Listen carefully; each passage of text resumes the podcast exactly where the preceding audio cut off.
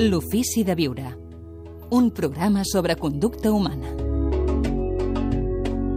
Sergi Torres.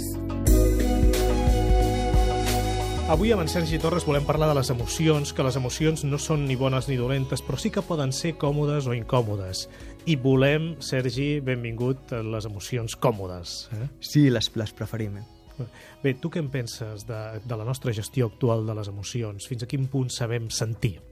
I jo ho veig en mi mateix. Jo veig que el, el meu desig és sentir felicitat, sentir alegria, sentir pau, però no sempre sento felicitat, alegria i pau. Per tant, veig que no sé sentir. Perquè si sabés sentir, aquesta gestió seria molt fàcil, ja, ja, ja la donaria feta i sentiria sempre alegria, pau i felicitat. Per tant, si no sé sentir, jo no estic capacitat de determinar quines emocions són bones i quines són dolentes justament perquè no en sé. Per tant, si m'obro a sentir, és lògic que aprengui a sentir. És com quan anem en bicicleta. Si no anar en bicicleta, el lògic és que em pugi la bicicleta per aprendre'n. No puc, no puc esperar a aprendre en bicicleta per després pujar-m'hi, no té sentit. Llavors, moltes vegades intentem gestionar les emocions per no sentir el que estem sentint, perquè són emocions incòmodes. Les hem qualificat de dolentes, de tòxiques, però en realitat les emocions no tenen aquesta capacitat de ser nocives o tòxiques. Si et fixes, imagina't que jo sento ràbia. Jo, quan sento aquesta emoció, experimento els efectes físics d'aquesta emoció només quan em nego a sentir l'emoció.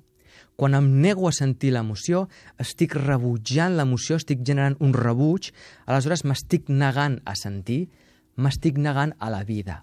Això genera un efecte fisiològic.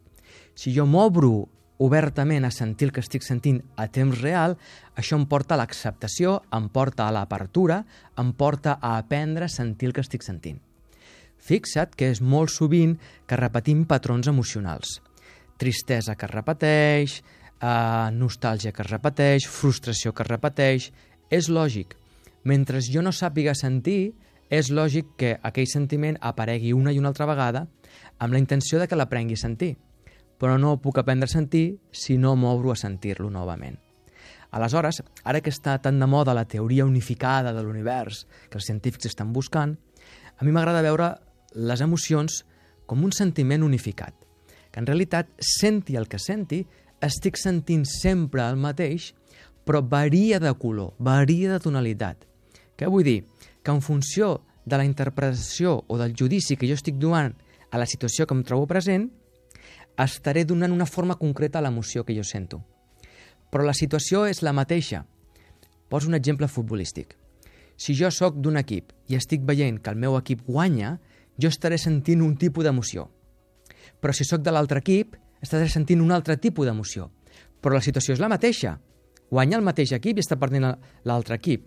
Per tant, en funció de on jo em situo, dels meus judicis, de com jo m'identifico davant la situació, jo passaré a sentir una emoció.